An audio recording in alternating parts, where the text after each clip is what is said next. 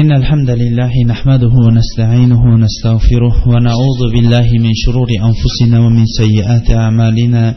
من يهده الله فلا مضل له ومن يضلل فلا هادي له. وأشهد أن لا إله إلا الله وحده لا شريك له وأشهد أن محمدا عبده ورسوله. ثم أما بعد السلام عليكم ورحمة الله وبركاته.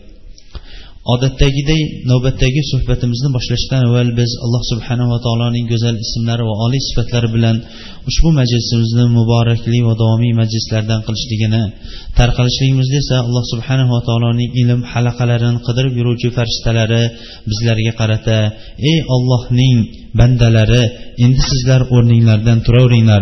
Vaholanki sizlarning gunohinglar endi kechirilindi. Degan majlislardan qilishligini so'rab suhbatimizni boshlaymiz.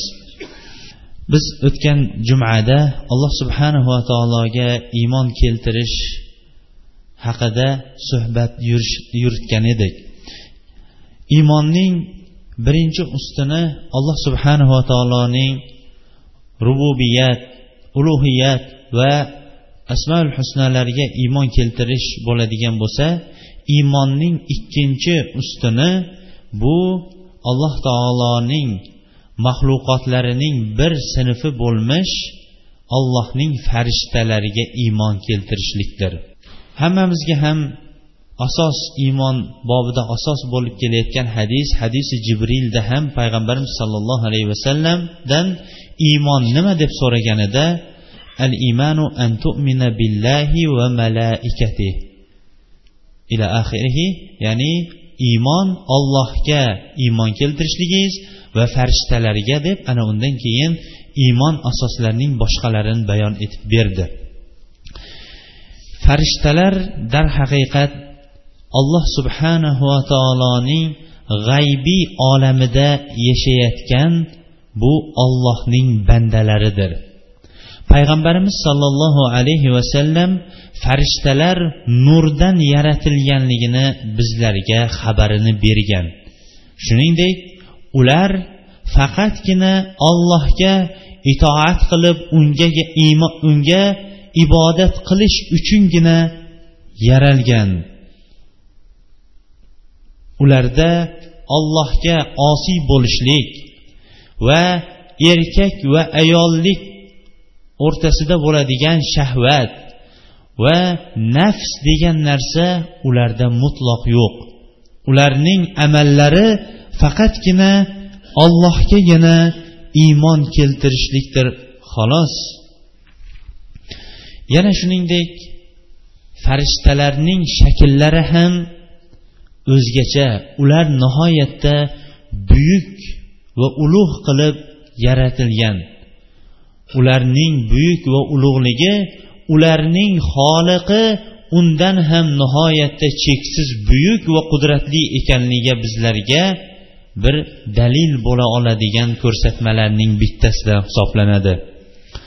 Alloh subhanahu va taoloning farishtalarining soni ham nihoyatda ko'pdir. Farishtalarning sonini ollohning o'zigina biladi. Bu haqida alloh subhanahu va taolo vala ya'lamu junuda robbika illahu deydi. Ya'ni robbingizning askarlarini undan murod bu farishtalar farishtalarning sonini ollohdan boshqa hech kim bilmaydi. Payg'ambarimiz sollallohu alayhi vasallam bizlarga xabar bergan mana bu hadisda osmondagi baytul ma'murga dedilar. Ya'ni osmondagi baytul ma'murga har kuni yetmish ming farishta kiradi. Bu farishta kirgan farishtalar qiyomatgacha qaytib kirmaydi dedi. Mana bu bilan farishtalarning soni nihoyatda ko'p. Ularning sonini ollohdan boshqa hech kim bilmasligi mana bu hadis bilan bizlarga yaqqol va ravshan bo'ladi. Alloh subhanava taolo farishtalarni o'ziga ibodat qilishlik va o'ziga yagina toat qilishlik uchungina yaratgan. Boshqalar davo qilganga o'xshash ular ollohga olloh o'zi saqlasin farzand bo'lishlik yoyinki qiz bo'lishlik uchun yaratilingan emas. Olloh bunday tuhmat va bo'xtonlardan pokdir. Ba'zilari aytishdiki subhanahu bal ibadun mukramun. Ba'zilar olloh farishtalarini farishtalarni o'ziga farzand qilib oldi deyishadi. Subhana olloh bunday tuhmat va bo'xtonlardan pokdir balki ular ollohning dargohidagi hurmatli bandalardir deb bizlarga bayon etib beryapti. Farishtalarning mana bu xususiyatlarga ega bo'lar ekan alloh subhanava taolo ularga belgilab bergan ibodat va vazifalari ham bordir va ularning o'zlariga xos bo'lgan amallari ham bor. Shuning uchun ham hozir biz farishtalarning taqsimlari bizlarga ma'lum qilingan taqsimlarigagina to'xtaymiz xolos. Shu bobda o'tgan jumada ham zikr qilganga o'xshash alloh subhanava taoloning ism va sifatlari ham bizlarga g'aybiy amal bo'lgan bunda faqatgina qur'oni karim va payg'ambarimiz alayhissalomning hadislarigagina suyanishligimiz vojib bo'lganiga o'xshash farishtalar ham bizlarga g'aybiy olamdir. Bular bobida bularning ismlarini isbotlashlik ismi zikr qilinmaganlar o'rtasida to'xtashlik bunda bahs yuritmaslik va ularning amallarini ham bizlarga bayon qilganichagina isbotlashlik bu mo'min kishining sifatlaridandir. Ammo biz bilmagan ismlar bilan ismlashlik yoinki biz bilmagan amallarni ham ularga nisbat berishlik bu mo'min kishining sifatlaridan hisoblanmaydi. Chunki bu farishtalar olami g'aybiy olam hisoblanadi. Farishtalar ichida ham ulug'lari va ulug' bir amallarga yuklatilganlari bordir. U jibril alayhissalomdir. Jibril alayhissalom farishtalarning ulug'i hisoblanadi. Chunki bu farishta ulug' amal unga yuklatilgandir. U ham bo'lsa bandalari orasidagi payg'ambarlari bilan o'zining orasida vositachilik qilib vahiyni olib kelishlikdir alloh subhanava taolo bu haqida من كان عدوا لجبريل فإنه نزله على قلبك بإذن الله jibril alayhissalomga dushman bo'lganlarniga qarata aytyaptiki jibril alayhissalom sizning qalbingizga ollohning izni bilangina vahiyni olib kelgandiku deyapti. Nazala bihi ruhul amin ala qalbika litakuna minal munzirin bilisanin arabiyyin mubin. Jibril alayhissalomning o'zi jibril kalimasida ham bir necha lug'atlar bor. Mana o'zimiz xalqlarimiz ichida ham ba'zilari jibril desa ba'zilari jabroil desa va ba'zilari boshqa degani bilan bularning hammasi ham to'g'ri va iborada uni ishlatishlik durust bo'laveradi. Va jibril alayhissalomning nomlarining yana bittasi bu laqab u kishi u zotga u farishtaga berilingan nisbat bu ruhul amin ya'ni omonatdor bu o'rinda ham aytyaptiki sizning qalbingizga siz ogohlantiruvchi payg'ambarlardan bo'lishingiz uchun sizga vahiyni ruhul amin ya'ni jibril sizga olib tushyapti. Ochiq va oydin bo'lgan arab lug'ati bilan deyapti. Qul nazzala ruhul qudus min robbika bil haq ayting bu qur'onni haq bilan robbingizdan ruhul qudus bo'lgan ya'ni jibril alayhissalom nozil qilganligini ham aytib qo'ying deyapti. Payg'ambarimiz sollallohu alayhi vasallamga jibril alayhissalom asosan dihyatul kalbiy sahobalardan bo'lmish dihyatul kalbiy suratida kelardi. Va maxsus xos eshik bor edi u kishi kiradigan o'sha eshikdan kirib odam suratida qur'onda nozil bo'lgan ba'zi bir oyatlarni o'rgatib ketardi. Lekin payg'ambarimiz sollallohu alayhi vasallam ikki martagina jibril alayhissalomni o'zining suratida asl alloh taolo yaratgan suratda ko'rgan. Uning yetti yuzta qanoti bo'lib bular ufqni to'sib turganligi haqida payg'ambarimiz alayhissalom bizlarga xabar bergan.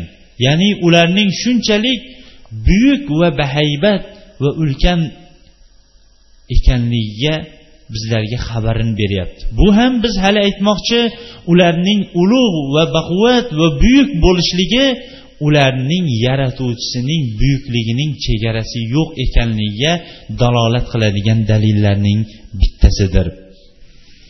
Shuningdek yana farishtalarning amallarining bittasi yomg'ir va yomg'irningga o'xshash bu yerga nozil osmondan nozil bo'ladigan qor va shunga o'xshash narsalarga tushirishga yuklatilgan farishtalardir.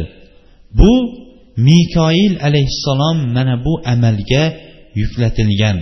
Shuning uchun ham uning ham o'ziga yarasha makonati va sharafli manzilati bor alloh taoloning oldida.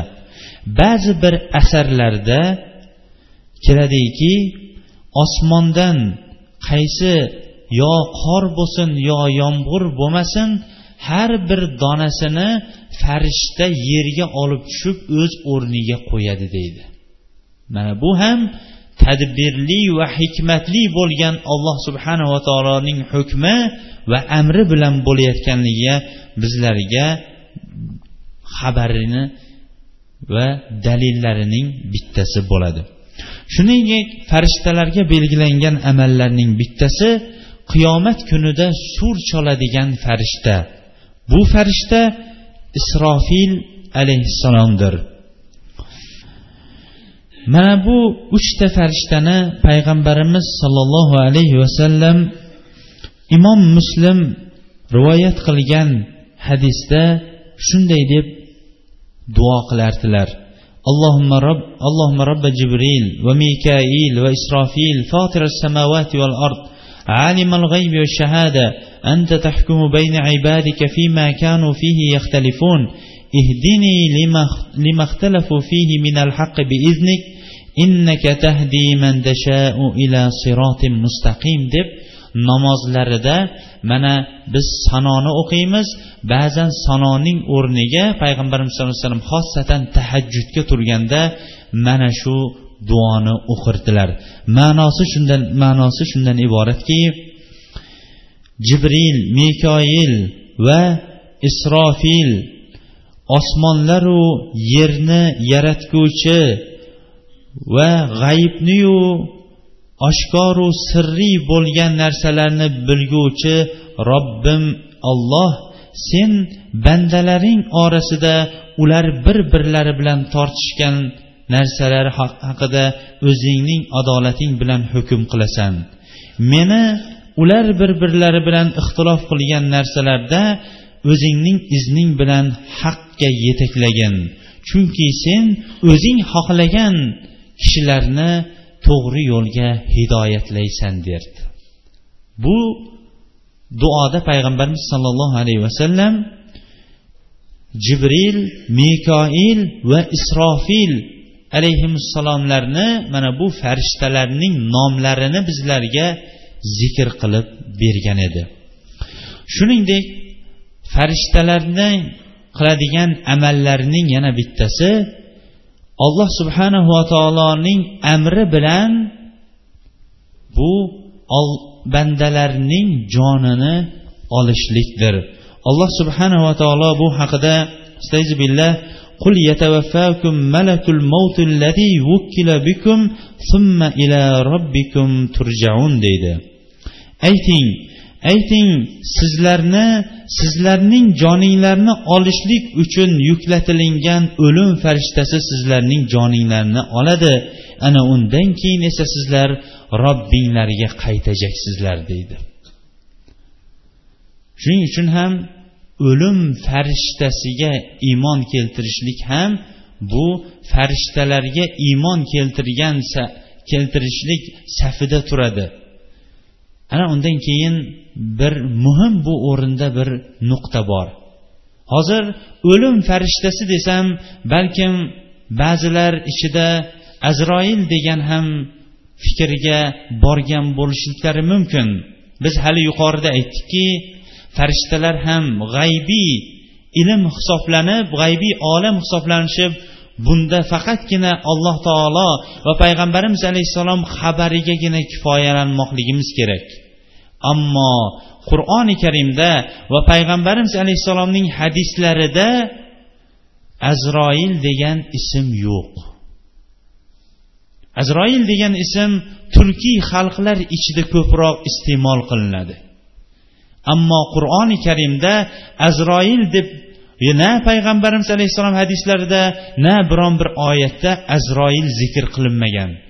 Balki doim o'lim farishtasi o'lim farishtasi deb mana takror takror keladi. Shuning uchun ham ulamolar o'lim farishtasiga azroil deb nom qo'yib olishlik bu g'ayb olamiga behaq gapirishlik deyishgan. Ba'zilari esa ayni bidatning o'zi deyishgan aqidadagi bidat deyishgan. Shuning uchun ham azroil demasdan o'lim farishtasi deyilinadi biz bu yerda o'lim farishtasi degan oyatlar nihoyatda ko'p vorid bo'lingani uchun biz bittasi bilangina kifoyalandik xolos yana shuningdek alloh subhanava taolo farishtalarga bo'lib bergan amallarning bittasi bandalarini saqlashligidir. Bu ham alloh taoloning nihoyatda rahmat va marhamat egasi ekanligiga bizlarga katta va yaqqol dalillarning bittasi bo'ladi. Bandalari shunchalik o'zining hojasiga osiy bo'lib yursayu lekin bandasi buning to'rt tomonidan saqlaydigan kechayu kunduz bu uxlayotgan vaqtida u uxlamaydigan bu g'ofil bo'lib turgan vaqtda u g'ofil bo'lmaydigan o'zini har qanaqa o'zining halokatiga sabab bo'ladigan o'rinlarga urayotgan vaqtda ham u yerdan saqlab turadigan farishtalarni qo'yib qo'ygan zotning ham bu marhamatining cheki rahmatining ham chegarasi yo'q ekanligi bo'ladigan dalillarning bittasi hisoblanadi alloh subhanahu va taolo استعذ بالله له معقبات من بين يديه ومن خلفه يحفظونه من أمر الله uning ya'ni bandaning kechayu kunduz navbatlashishib ollohning amri bilan ularni himoyalab turadigan bu yerda farishtalar bor deyapti. Mufassirlardan hisoblanmish mujohid rahimaulloh aytadiki qaysi bir banda bo'lmasin bu oyatning tafsirida aytadiki qaysi bir banda bo'lmasin uni uyqusida ham uyg'oq turganida ham jinu insonlardan va boshqa zarar kunandalardan saqlab turishlik uchun yuklatilgan har bir kishida farishta bordir. Ular ollohning izni bilan juda ko'p ozorlar bilan saqlab turadi. Lekin olloh ozor yetkazishlikni iroda qiladigan bo'lsa bu chorasiz albatta yetadi deydi. Shuningdek banda uchun yana yuklatilgan farishtalarning bittasi bandalarning amallarini hisob kitob qilib yozib yuradigan farishtalar. Bular ham bandalarning amallarini saqlab yurishadi. Alloh subhanahu va taolo aytadiki am yahsabuna anna la نسمع sirrahum ونجواهم بل, bal bal لديهم rusuluna ladayhim yaktubun. Balki ular o'ylashadilarmi biz ularning maxfiy yoyinki oshkora qilayotgan amallarini eshitmaymiz yoyinki ko'rmaymiz bilmaymiz deb ular hisob qilishadimi? Yo'q. Bizning elchilarimiz ularning oldida turib qilgan amallarining hammasini ham yozib turishadi. Keyingi oyatda alloh subhanahu va taolo ma yalfizu min qawlin illa ladayhi raqibun atid deydi.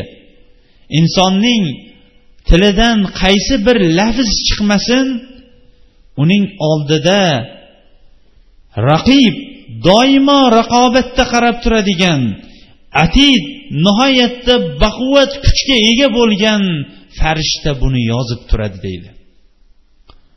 Ibn abbos roziyallohu anhuma bu oyatning tafsirida aytganki kirdim chiqdim o'tirdim yedim ichdim degan amal gaplargacha yozib turadi degan. Payg'ambarimiz sollallohu alayhi vasallam insonning o'ng yelkasida insonlarning solih amallarini yozib turadigan chap yelkasida esa insonning alloh o'zi saqlasin yomon amallarini yozib turadigan farishtalar bor ekanligini bizlarga xabarini bergan. Ba'zan inson hayo qiladi ba'zi gaplarni masjidda aytishlikka. Ba'zan esa hayo qiladi biron bir ulug'roq makonati ulug'roq bo'lgan sharafli odamning oldida biron bir gapni aytib yuborishlikka. Lekin o'sha inson bilsinki hammadan ham bu bandalar ichidagi ulug' bo'lgan bir banda bu kishi bilan doim yuradi. Qaysi bir lafz buning og'zidan chiqmasin buni yozib yuradi? Hayo haqiqiy hayo qilishlik. Payg'ambarimiz sollallohu alayhi vasallam aytganki siz ollohdan hayo qilishligingiz xuddi o'zinglar ichinglardagi sharafli odamning oldida qanday hayo qilsangiz unda u sharafli odam yo'q bo'lib turganda ham ollohdan shunday hayo qiling degan. Ollohdan hayo qilmayotgan odam hech bo'lmaganda mana bu shunchalik kiromen katibin hurmatli bo'lgan yozuvchilardan yozib turadigan ikki yelkadagi farishtalardan hayo qilmoqligi kerak. Ba'zi ulamolar aytganki bizning ikkita qo'shnimiz bor. Bu qo'shnimizni alloh subhanava taolo bizlarga shunchalik mehribon rahmdil qilib qo'yganki boshqa qo'shnilarimizning hammasi bizlarga yomonlikni iroda qilib turganda bular yaxshilikni iroda qilishadi. Boshqa qo'shnilarimizning hammasi bizlarga hasad qilib turgan vaqtda bu ikki qo'shnimiz bizlarga faqatgina yaxshilikni iroda qilishadi. Boshqalar dushman bo'lib turgan vaqtda bular bizga do'st bo'lib turishadi. Boshqalar ozor yetkazmoqchi bo'lib turganda bular bizga yaxshilikni yetkazib yomonlikdan qaytarib turishadi. Bular bizning o'ng yelkamiz va chap yelkamizda amallarimizni yozib turadigan farishtalar degan. Vo ajabo. Inson shunchalik tug'yonga berilib robbisiga qilgan isyoni sababli atrofdagi bandalarini ozor yetkazgani sababli ozor yetkazgani yetmaganday mana bu ikkita farishtani ham ko'p o'rinlarda ozor yetkazadi. Payg'ambarimiz sollallohu alayhi vasallam va innal malaikata yataazza mimma yataazza bihi banu banu adam dedilar. Farishtalar ham odamlar ozorlanadigan amallardan farishtalar ham ozorlanadi dedi. Ba'zi odamlarning og'zidan chiqayotgan gapidan yoniga yo'lolmaysiz. Ba'zi insonlarning og'zidan kelayotgan olloh va rasuli harom qilgan sigaret yoinki nosning hididan uning yoniga yurolmaysiz lekin farishtalarchi farishtalar inson tug'ilib u voyaga yetishligi bilan to vafot etgunicha birga yuradiku. Muaqibat ular kecha bilan kunduzda almashib ham navbatma navbat ular ollohning amrini mana shu yozish bo'lsa yozishlik saqlash bo'lsa saqlashlik bilan turadiku. Qarang biz hali farishtalar amalida inshaalloh bayon qilishda davom etamiz. Agar e'tibor berayotgan bo'lsangiz hammasini hamma farishtalarni insonlarning bu salohiyati va dunyoda yaxshi yashashligi uchun alloh taolo mana bu o'rinlarda bo'ysuntirib qo'ygan. Lekin qani endi yaxshilikni xohlaydigan insonlar? Mana bu o'rinda ham payg'ambarimiz sollallohu alayhi vasallam har bir kalimani yozib turishligi haqida ham o'zilari ba'zi bir hadislargagina to'xtaymiz imom buxoriy rivoyat qilgan hadisda qola qola rasululloh sollallohu alayhi vasallam قال الله عز وجل إن هم عبدي بسيئة فلا تكتبوها عليه فإن عملها فاكتبوها سيئة وإذا هم بحسنة فلا يع فلم يعملها فاكتبوها حسنة فإن, فإن عملها فاكتبوها عشرا bu bobda hadislar nihoyatda ko'p lekin bizning vaqtimiz kifoya qilmaganligi uchun biz bitta yoyinki ikkita oyatga va bitta yoyinki ikkita hadisgagina kifoyalanayapmiz xolos mana bu hadis hadisi qudusiy payg'ambarimiz alayhissalom aytadiki alloh taolo bandalarning amallarini yozib turuvchi farishtalariga aytadi agar bandam biron bir gunoh amalni qilishlikni azmu qaror qiladigan bo'lsa uni qilgunicha yozmay turinglar deydi. Alloh taoloning marhamati shunchalik keng ekanki biz qalbimizda o'ylagan gunohlarni yozmaslikka mana bu o'rinda farishtalarga buyurib turibdi. Agar o'sha o'ylagan gunohiga amal qiladigan bo'lsa bunda bitta gunohiga bitta gunoh amaliga bitta gunohni yozinglar. Agar qalbida biron bir yaxshi amalni qilishlikni g'am qilib qo'yadigan bo'lsa qalbiga tugib qo'yadigan bo'lsayu lekin hali amal qilmagan bo'lsa bunga to'liq bir savobni yozinglar deyapti. Inson islomni islom insonlarni agarchi amal qilmasa ham lekin qalblari to'liq yaxshilik bilan to'lishlikka undagan din bu islom dinidir. Hadisning davomida agar bandam bir yaxshilikni qilishlikka azmu qaror qilsa keyin uni qilolmay qoladigan bo'lsa unga bitta yana to'liq savob yozinglar deyapti. Bu hadisdan olinadigan foyda demak alloh subhanava taolo bizlarning gapimizni ham amallarimizni ham yozishlikka vakil qilib qo'ygan farishtalari bordir. Payg'ambarimiz sollallohu alayhi vasallam bu til borasiga kelib qolganligi uchun til borasidagi hadislarni ham ko'p zikr qilib o'tishligimiz kerak. Aslidachi mavzumizga uncha aloqador bo'lmasa ham man zominali isnatani faqat zomintu lahul janna dedilar. Ya'ni kim menga ikkita narsasiga zomin bo'laveradigan bo'lsa ya'ni rus tilida aytadigan bo'lsak buni ko'pchilik tushunadi kim menga ikki narsasiga garantiya bera biladigan bo'lsa men unga jannatni garantiya bera bilaman dedi. Kim ikki labi orasidagi tili va ikki soni orasidagi farjiga menga zomin bo'la olsa men unga jannatda zomin bo'la olaman dedi. To'g'ri ko'pchilik ikki soni orasidagi farjini halolgagina qo'yishlikka ko'p qodir bo'lishligi mumkin. Lekin ikki tili orasidagi ikki labi orasidagi tilni bu hamma ham o'z o'rniga qo'ya olmaydi. Alloh taoloning mana bu suyaksiz bo'lgan tilini o'z o'rniga qo'yishlikka nihoyatda alloh taolo bizlarga ko'p imkoniyatlarni berdi o'shalarning eng birinchisi iymon payg'ambarimiz sollallohu alayhi vasallam من كان يؤمن بالله واليوم الآخر فليقل خيرا أو ليصمت dedilar kim ollohga va oxiratga iymon keltiradigan bo'lsa faqatgina yaxshilikni gapirsin yoyinki jim o'tirsin dedilar Ollohga va oxiratga iymon keltirgan bo'lsa yaxshiliknigina gapirsin yoyinki jim o'tirsin dedi. Birinchi iymon. Ana undan keyin har bir insonning o'ziga berilingan ixtiyor va iroda. Ana undan keyin ollohning qarang insonlarni yaratishdagi hikmatini qarang nihoyatda chiroyli yaratgan. Bu suyaksiz bo'lgan tilni marvaridday shaklda ammo kuchi undan bir necha barobar kuchli va chiroyli bo'lgan o'ttiz ikki tish bilan atrofini o'rab qo'yibdi.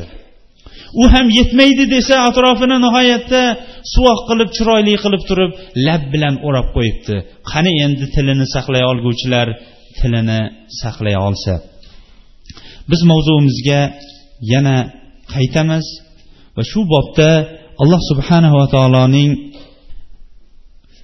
farishtalarining amallarining ba'zilari bu qabrda savol javob qiladigan farishtalardir. Payg'ambarimiz sollallohu alayhi vasallam agar mayyit qabrga qo'yiladigan bo'lsa unga ikkita asvadani azraqoni dedilar. Ikkita qoramtir va kurkumtir bo'lgan bir dahshatli suratda ikkita farishta kiradi va uni hisob kitob qiladi. Savollar nihoyatda oddiy dunyoda solih amal qilib o'tgan kishi uchun nihoyatda og'ir dunyoda biron bir solih amali bo'lmagan kishi uchun. Agar solih odam bo'ladigan bo'lsa uning qabri keng qilib tushab beriladi jannat bog'chalaridan bir bog'chaga aylaniladi. Va aytadiki mana bu sening qiyomatdan keyin tushadigan jannatdagi o'rning deb o'zining o'sha qabridan bir darcha ochilib qo'yadi. Va bu kishi orzu qiladiki iloyo tezroq qiyomat bo'lsada ana undan keyin men jannatdagi o'rnimga borsam deb. Ammo alloh o'zi saqlasin solih bo'lmagan kishi bo'ladigan bo'lsa savollarning har birida javobi oh oh kana nasu yaqulun. Oh oh odamlar mana shuni gapirardi deydi. Farishtalar unga gurzi temir gurzilar bilan uradi. Va aytadiki biz bilardik sening mana shunday yomon odamligingni deb unga qabr azobi boshlanadi. U yetmaganday qabridan qiyomatdan keyin u boradigan jahannamdagi o'rni ko'rsatilib mana bu sening qiyomatdan keyin boradigan do'zaxdagi o'rning deb bir darcha ochilib o'sha yer ko'rsatilib turadi. Va bu qiyomatdagi azoblarni ko'rib qabrdagi azobi hech narsa bo'lmay qoladi. Va aytadiki iloyo qiyomat bo'lmasada men jahannamga tushmasam deb turadi. Mana bu ham farishtalarning mana shu amalga ya'ni qabrda savol javobga yuklatilgan navidir shuningdek farishtalarning yana amallarining bittasi jannatning posbonlari ya'ni jannatning darvozabonlaridir alloh subhanahu va taolo bu haqida billah وسيق الذين كفروا إلى جهنم زمرا حتى إذا جاءوها فتحت أبوابها وقال لهم خزنتها ألم يأتكم رسل من, من منكم يتلون عليكم آيات ربكم وينذرونكم لقاء يومكم هذا kofir bo'lgan kishilar jahannamga olib borilgan vaqtda jahannamning posbonlari darvozabonlari ularga aytadi deb bu o'rinda aytyapti. Xuddi jahan jannatda farishtalardan posbonlar bo'lganiga o'xshash jahannamda ham posbonlar bo'lib turadi.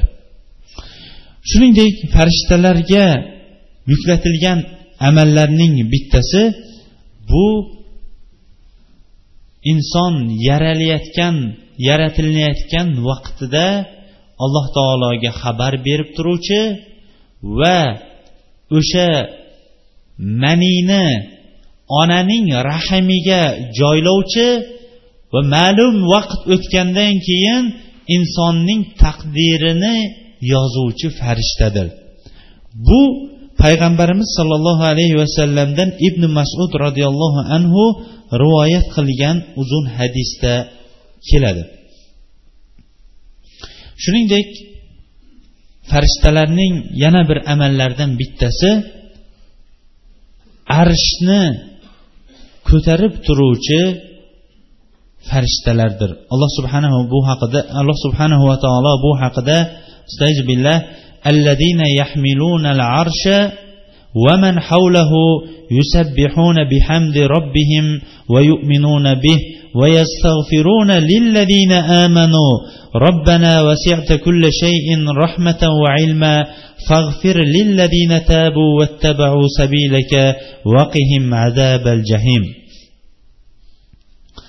arshni ko'tarib turuvchilar va uning atrofidagi farishtalar alloh subhanahu va taologa o'zlarining robbilariga doim hamdu tasbeh aytib turadi va unga iymon keltirishadi va iymon keltirgan bandalariga ham istig'forlar ya'ni allohning mag'firati bo'lishligini talab qilib turishib mana bunday duo qilishadi. Iloyo o'zingning rahmating va ilming hamma narsadan ulug'dir kengdir.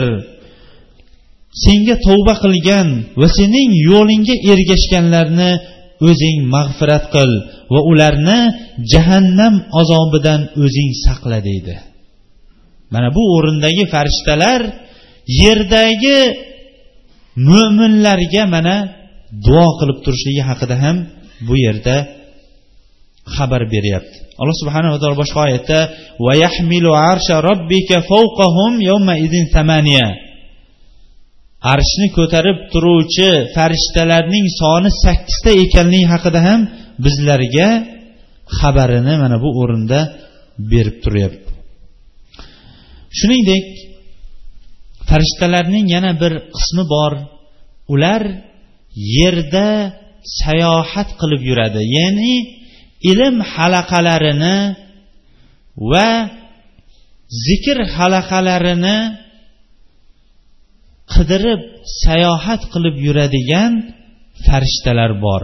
Qachon ular biron bir o'rinda ilm halaqalarini topishib qoladigan bo'lsa darrov halumma ila hajatikum topdik bu yoqqa kelinglar deb ular bir birlarini chaqirishadi va qanotlarini qo'yishib ular ham agar halaqa bo'lib o'tirilgan ilm halaqalari bo'ladigan bo'lsa ular ham halaqa halaqa bo'lib o'tirib to bu mana hadisda halaqa arshgacha boradi. Va alloh subhanava taolo o'zining atrofidagi farishtalariga qarab turib ana faloncha va faloncha bandalarim o'tirishib meni zikr qilishyapti deydi. Bu ham ilm talaba ilmning fazilatiga dalolat qiladigan hadislarning bittasidir. Shuningdek farishtalarning yuklatilgan amallarining bittasi tog'larga ham xos tog'larni boshqarib tog'larni o'rnatib turish uchun yuklatilgan farishtalardir. Mana payg'ambarimiz sollallohu alayhi vasallam toifdan toifning yosh bolalari go'daklari payg'ambarimiz alayhissalomni masxara qilib qaytganlaridan keyin hatto toshbo'ron qilib kovushlari qonga to'lib toif shahridan makkaga qaytdilar. Yo'lda jibril alayhissalom keldi ya'ni shu yerda duo bo'ldi va jibril alayhissalom bilan alloh subhanava taolo tog'larga yuklatilgan farishtani payg'ambarimiz alayhissalomga jo'natdi va aytdilarki innalloha qad sami'a qawla qawmika lak va ma rudduhu alayk va fihi قول ملك الجبال إن شئت أن أطبق عليهم الأحشبين shunda aytdiki robbingiz dedi jibril alayhissalom sizning gapingizni eshitdi va ya'ni toif ahliga ishora bo'lyapti bu qavmning ham sizga qaytargan javobini ham eshitdi va men bilan birga tog'larga yuklatilgan farishtani jo'natdi. Agar xohlasangiz dedi tog'larga yuklatilgan farishta men ularni ahshabayn bilan ko'mib qo'ya solaman dedi. Ko'mib qo'ya qolaman dedi. Ya'ni ahshabayn makka bilan toif orasini bog'lab turadigan nihoyatda katta tog'lar. Bunday katta tog'lar vallohu alam o'rta osiyoda bo'lmasa kerak. Chunki bu tog'lar o'zi toif makkadan yetmish chaqirim tepada shunaqangi bir ulkan tog' bu tog'larningga yuklatilgan farishtaning qudrati ham o'sha tog'ni ikkovini bir biriga shunday qo'shib o'rtada turgan toif ahlini yo'q qilib qo'yishlikka qodir bo'lgan farishta maxluq bo'lib qudrati shunchalik bo'ladigan bo'lsa ularning robbisi bo'lgan osmonu yerning parvardigori bo'lgan alloh subhanava taoloning qudrati cheksiz va kengdir. Payg'ambarimiz sollallohu alayhi vasallam rahm qilguvchilarning ustozi edi. Aytdilarki men orzu umid qilamanki ularning sulbidan alloh subhanava taolo yolg'iz ollohning o'zigagina ibodat qiladigan zurriyotlar chiqarishligini dedi. Sal vaqt o'tmay makka fath bo'ldi. Va hunayn g'azotidan keyin ular o'zilari payg'ambarimiz alayhissalomga bay'at qilishlikka o'zilari kelishdi. Darhaqiqat o'sha o'rinda qilingan duo ijobat bo'lib ularning zurriyotidan xolis va yolg'iz ollohning o'zigagina ibodat qiladigan zurriyotlar vujudga keldi. Yana shunday farishtalarning qismlarining bittasi ular bu shu vaqtgacha zikr qilgan biz zikr qilgan farishtalarning turlari va amallari faqat bu bandalarining insonlarning banu odamning foydasi uchungina amal qiladigan farishtalar edi. Endigi farishtalar esa doim alloh subhanahu va taologa ruku sajda qiluvchi va to'xtamasdan ollohni yodga olib turuvchi farishtalardir. Payg'ambarimiz sollallohu alayhi vasallam bir kuni sahobalari bilan birga edi deydi. To'satdan u kishi aytdilarki hal tasmauna ma asma men eshitayotgan narsani sizlar eshityapsizmi? dedi. قالوا ما نسمع من شيء. صحابة لن هش نرسى اشتميت مزدد فقال رسول الله صلى الله عليه وسلم أسمع قطة السماء فلا فلا تلام أن تعت. وفي رواية فحق له أن تعدت ما فيها موضع شبر إلا وعليها ملك, ملك راكع أو ساجد ساجد يعني men osmonning ingrayotganini eshitdim dedilar. Osmon ingrashlikka haqlidir. Boshqa ikkinchi lafzda aytyaptiki osmonning ingrayotganini malomat qilmanglar dedi. Chunki osmonda bir qarich mavzu yer bir qarich o'rin yo'q magaram o'sha o'rinda bir farishta yo sajda qilyapti yo ruku qilyapti dedi. Osmon to'la ya'ni bundan tushuniladiki osmonning hammasida farishtalar ya'ni xolis va yolg'iz ollohning o'zigagina holmay charchamaygina ibodat qiluvchi farishtalar bilan to'la to'kis deb bayon etdi. Va boshqa hadisda ba'zi farishtalar yaralganidan buyon hali boshini sajdadan ko'targani yo'q. Ba'zilari esa yaralganidan buyon hali rukudan boshini ko'targani yo'q deb bizlarga xabarini bergan. Hammamiz ham bilamizki insonlardan avval odam alayhissalomdan avval farishtalar yaratilganligini o'zimiz bilamiz. Endi ularning ibodati qanchalik ekanligini mana bu o'rinda ham bilib qo'ysak bo'ladi. Endi oxirgi nuqtaga to'xtaymiz. Oxirgi nuqta farishtalar shunchalik bandalar ekan nurdan yaralgan allohga osiy bo'lmaydigan kiroman hurmatli bo'lgan bandalar bo'lar ekan. Endigi savol band ya'ni odamlar farishtadan afzalmi? Yoyinki farishtalar odamlardan afzalmi? Agar joy to'lib qolgan bo'lsa bu chap tomonga qarab chiqishinglar mumkin joy tayyorlab qo'yilgan. Imom movardiy o'zining adabi dunyo va din kitobida bu nuqtaga nihoyatda chiroyli to'xtab o'tadi. Shu uchun ham bu nuqtani chiroyli va to'g'ri tushunishlikka men biz shu o'rinda talab qilgan bo'lardik. Imom movardiy aytadiki alloh subhanava taolo farishtalarga aql berdi lekin shahvat bergani yo'q. Hayvonlarga shahvat berdi ammo aql bergani yo'q. Insonlarga esa ham aqlni berdi ham shahvatni berdi. Kim endi aqlini qo'yib shahvatiga ergashsa ular boshqa maxluqotlardan farqi yo'q.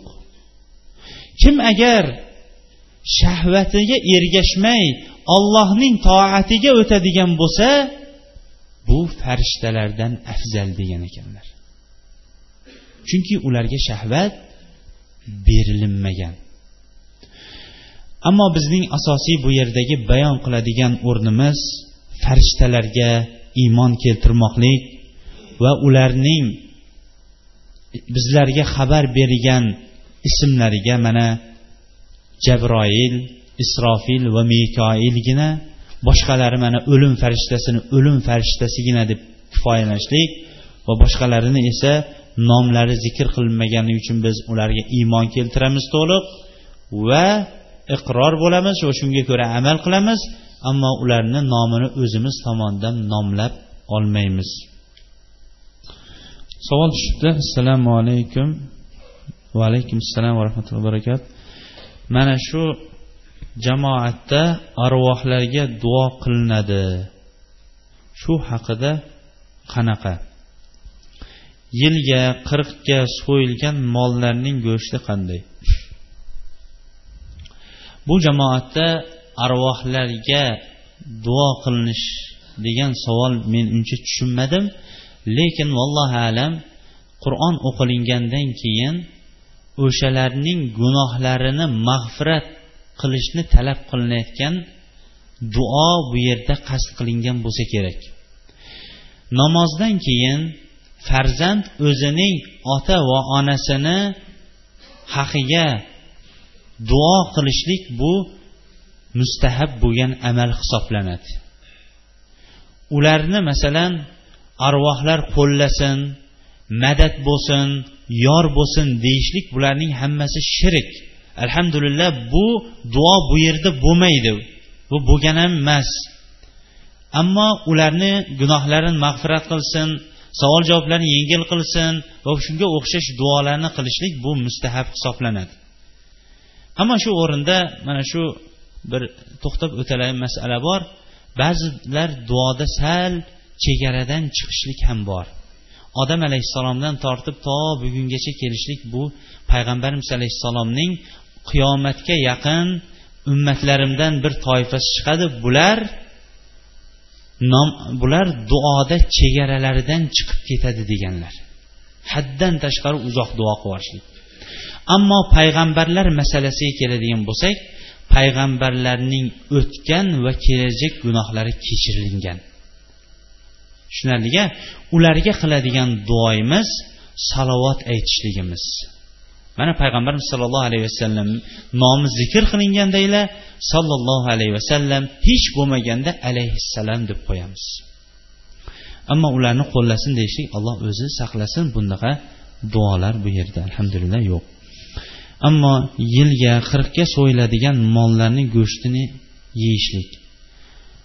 Bu haqida biz yetimlarning molini yeyishlik haqidagi mana bu suhbatlarimizda gunoh kabirlarida bayon etganmiz. Lekin ehson bobidan deb ehson deb yiliga va qirqiga demasdan ehson deb so'yilsa bu yeyilaveradi ammo qirqiga xoslab qo'yishlik bu ya'ni shariatimiz ko'rsatib berilmagan amal.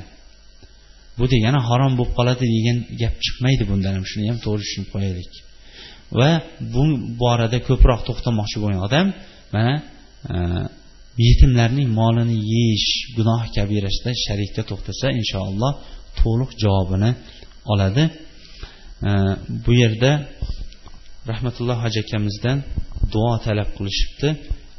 Hammamiz ham qo'shilib آمين الحمد لله والصلاة والسلام على رسول الله اللهم تقبل منا إنك أنت السميع العليم وتب علينا إنك أنت التواب الرحيم اللهم تقبل منا إنك أنت السميع العليم وتب علينا إنك أنت التواب الرحيم alloh subhanava taoloning go'zal ismlari va oliy sifatlari bilan hammamizni ham alloh subhanava taolo iymonlarimizni komil qilishligini so'raymiz Alloh subhanava taolo o'ziga farishtalarga kitoblarga qo'yingki hamma bu iymon rukunlarini to'liq iymon keltiradigan mo'minlardan qilsin.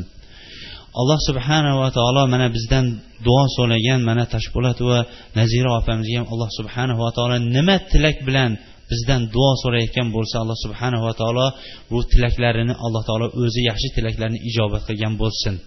Alloh subhanava taolo ularning zurriyotlarini o'zlari o'ylagandan ham ortiqroq solih va soliha zurriyotlardan qilsin va ota onasi ko'rganda ko'zlari quvonadigan farzandlardan qilsin. Ularning va bizlarning xonadonlarimizdan iymon bilan va amali solih bilan o'tganlarni alloh subhanava taolo gunohlarini mag'firat etib ularning ruhlarini shod etib savol javoblarini yengil qilib qabrlarini jannat bog'chalaridan bir bog'chaga aylantirsin. Alloh subhanava taolo bizlarni va zurriyotlarimizni shirk va unga olib borib qo'yuvchi amallardan o'zi saqlasin. Alloh subhanava taolo mana bu hajga niyat qilganlarni niyatlari amalga oshishlikka alloh o'zi nasib aylasin payg'ambarimiz alayhissalom ko'rsatib berganday haj qilib kelishliklarini va hajdan onadan yangi tug'ilganday gunohlari kechirilib qaytib kelishini alloh taolo o'zi nasib aylasin. Alloh subhanava taolo mana bu masjidda ham bir bizni masjiddan ham bir jamoatni inshaalloh ba'zi bir muhsinlar tomonidan jo'natilyapti. Ularni ham alloh taolo qilgan ehsonlarini o'zi ziyodasi bilan qaytarsin. Alloh subhanava taolo hammamizni ham oilamizga tinchlik xotirjamlikni ato etsin. Alloh subhanava taolo qarzdorlarning qarzlarini o'zi o'tabersin bemorlarning alloh subhanava taolo kasaliga o'zi shifo bersin. Neki yaxshi niyatlar tilaklarimiz bo'lsa alloh o'zi ro'yobga chiqarsin yomonliklardan o'zi saqlasin. Va sallallohu taala muhammad va ala alihi sahbi ajmain. Bi rahmatika arhamar rohimin إن الحمد لله نحمده ونستعينه ونستغفره ونعوذ بالله من شرور أنفسنا ومن سيئات أعمالنا. من يهده الله فلا مضل له ومن يضلل فلا هادي له. وأشهد أن لا إله إلا الله وحده لا شريك له. وأشهد أن محمدا عبده ورسوله. ثم عما بعد. در حقيقة bugungi mavzuimiz alloh subhanahu va taoloning hurmatli bo'lgan maxluqotlaridan bittasi bu farishtalar haqida va ularga iymon keltirish bo'lar ekan. Biz farishtalarning ba'zi bir amallarini zikr qilar ekanmiz. Darhaqiqat inson o'zi biron bir amalni qilayotganda yoyinki biron bir gapni gapirayotgan vaqtida xuddi o'zining qavmida hurmatli bo'lgan kishida hayo qilganiga o'xshash. Farishtalardan ham hayo qilmoqligi darkordir. Ulamolarning ba'zilari o'zlarining shogirdlari voyaga yetganidan keyin shogirdlarining taqvo va iymonini bir sinab ko'rishligi uchun shogirdlarining hammasiga ham bitta so'yiladigan tovuqdan berib buni hech kim ko'rmaydigan joyda so'yib kelinglar debdi. Shogirdlarning hammasi atrofdan so'yib kelibdi. Lekin bittasi men atrofning hammasiga bordim. Lekin doim men bilan olloh birga bo'laverganidan keyin buni so'ya olmadim deganidan keyin bularning hammasining qilgan o'qigan amaliyu ilmi bir tepa bu shogirdniki bir tepa bo'lganligini ustoz bayon qilgan ekan. payg'ambarimiz sollallohu alayhi vasallam ehson darajasini bizlarga ma'lum etib أن تعبد الله كأنك تراه فإن لم تكن تراه فإنه يراك dedilar ehson degani siz ollohni ko'rib turibman deganday ibodat qilishligingiz agar ollohni ko'rib turibman degan darajaga yeta olmaydigan bo'lsangiz olloh meni ko'rib turibdi degan e'tiqod iymon bilan ibodat qilishligingiz dedilar. Agar bunga ham qodir bo'la olmasak farishtalar axir kechayu kunduz biz bilanku biz qilayotgan amallarni biz gapirayotgan gaplarni hammasini ham yozib bilib turishadiku. Alloh subhanava taolo ma yalfizu min qavlin illa valadayhi raqibun atid deydi. Nima bir gap chiqmasin nima bir lafzni talaffuz qilmasin u raqib nima chiqarkin deb qarab turadigan va bunga bo'sh turmaydigan baquvvat bo'lgan kiroman katibin hurmatli yozuvchilar tomonidan bu yozilinadi deyapti. Payg'ambarimiz sollallohu alayhi vasallam man kana yu'minu billahi val yawmil akhir falyaqul khayran ovliyasmut dedilar. Kim allohga va oxiratga iymon keltiradigan bo'lsa faqatgina yaxshilikni gapirsin yoyinki jim o'tirsin dedilar. Tobiinlarning ba'zilari abdulloh ibn masud roziyallohu anhuni ziyorat qilmoqchi bo'ldilar. Ba'zilari ba'zilariga ziyorat qanday ham qilarmiz a u kishi hozir o'nni gapirsangiz birni zo'rg'a javob beradigan bo'lib qolgan deyishdi. Yo'q shunday fursatni biz boy berib qo'ymaylik u kishini ziyorat qilaylik deyishdi. Ziyorat asnosida ular gaplashib o'tirib aytdilarki biron bir she'r yozganmisiz deganda qarang javobi nima bo'lgandi men qiyomatda sahifalarimda she'r o'qilishlikni yoqtirmayman degan. Vaholanki abdulloh ibn masud agar she'r yozganida faqat ollohni ulug'lab payg'ambarimiz sollallohu alayhi vasallamni maqtab yozgan she'rnigina yozardi. U kishi o'zini shunchalik gapda ehtiyot qilgan ekan she'r yozib qo'yadigan bo'lsam qiyomatda sahifalarimda she'r o'qilishligini men yoqtirmayman degan ekan. Biz ertaga balki bugungi kunning o'zida ham sen falon joyda falon gapni gapirgansan desa iya mena hali men shu gapni gapiramanmi? deb turamiz. Qiyomatdachi to bizlarga amallar yoziladigan yoshdan boshlab vafot etgunimizcha bo'lgan bu amalu gaplarning hammasi ko'ldarang bo'lgan vaqtda biz qayoqqa qacha olamiz? Alloha alloh agar bugun buning g'animatini bugun ko'rib qolmaydigan bo'lsak ertagiga ahvolimiz nima bo'larkin? Payg'ambarimiz sollallohu alayhi vasallam min husni islamil mar'i tarkuhu ma la ya'ni dedilar. Musulmon kishining islomda qilgan eng yaxshi amallarining bittasi o'ziga muhim bo'lmagan amalni tark qilishlikdir. Shuning uchun ham ulamolar gapirishdan avval bir qancha musulmon kishiga shartlarni qo'ygan. Birinchisi o'sha gap olloh roziligi uchun bo'lyaptimi? Ikkinchisi o'sha gapni gapirishlikka men haqlimanmi deb e, inson o'ziga o'zi bir savol berib ko'rmoqligi kerak. Uchinchisi o'sha gapni suhbat majlis ko'tara oladimi? To'rtinchisi o'sha vaqtga shu gap munosibmi? Allohga qasamki agar biz mana shu savollarni berganimizda majlislarimiz g'iybatsiz o'tardi. Agar mana shu savollarni berganimizda majlislarimiz bo'xton va chaqimchiliksiz o'tgan bo'lardi payg'ambarimiz alayhissalomning sifatlarini sahobalar bizlarga bayon etib aytadiki u kishi bilan o'tirsak faqatgina ko'proq istig'for va tavba qilib o'tirardilar deydi. Boshqa ortiqcha gapni gapirmasdilar deydi.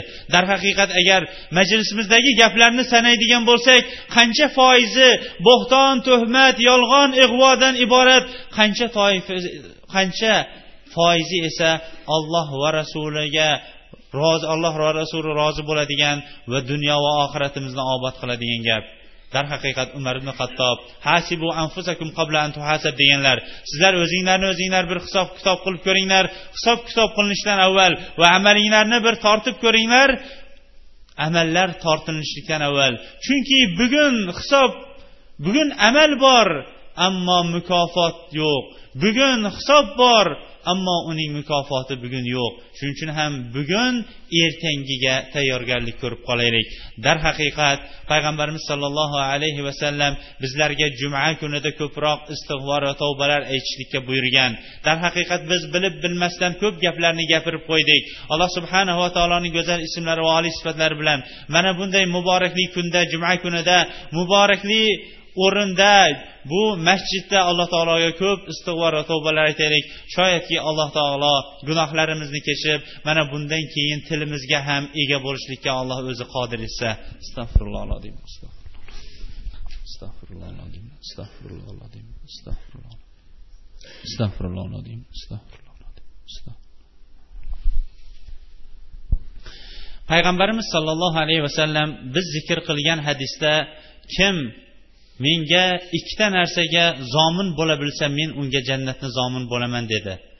Ammo birinchi aytgan narsalari ikkilab orasidagi til ikkinchi aytgan narsalari ikki soni orasidagi farjdir farjdan murod buni faqatgina olloh halol qilgan o'rinlargagina qo'yishlik u ham bo'lsa o'zining nikohidagi ahli bilangina yaqinlashishlik va zino va boshqa fisqu fujur boshqa yo'llar bilan o'zining shahvatini qondirishlikdan payg'ambarimiz alayhissalom qaytargan edi yoshlarga uylanishlik yoshiga yetgan balog'at yoshdagi yigitlarga xitob qilib aytgan edilarki ya mashara shabab man istata'a minkumul ba'ata falyatazawwaj ومن لم يستطع فعليه بالصوم فإنه له وجا dedilar ya'ni ey yigitlar jamoasi sizlar agar qodir bo'ladigan bo'lsanglar uylaninglar.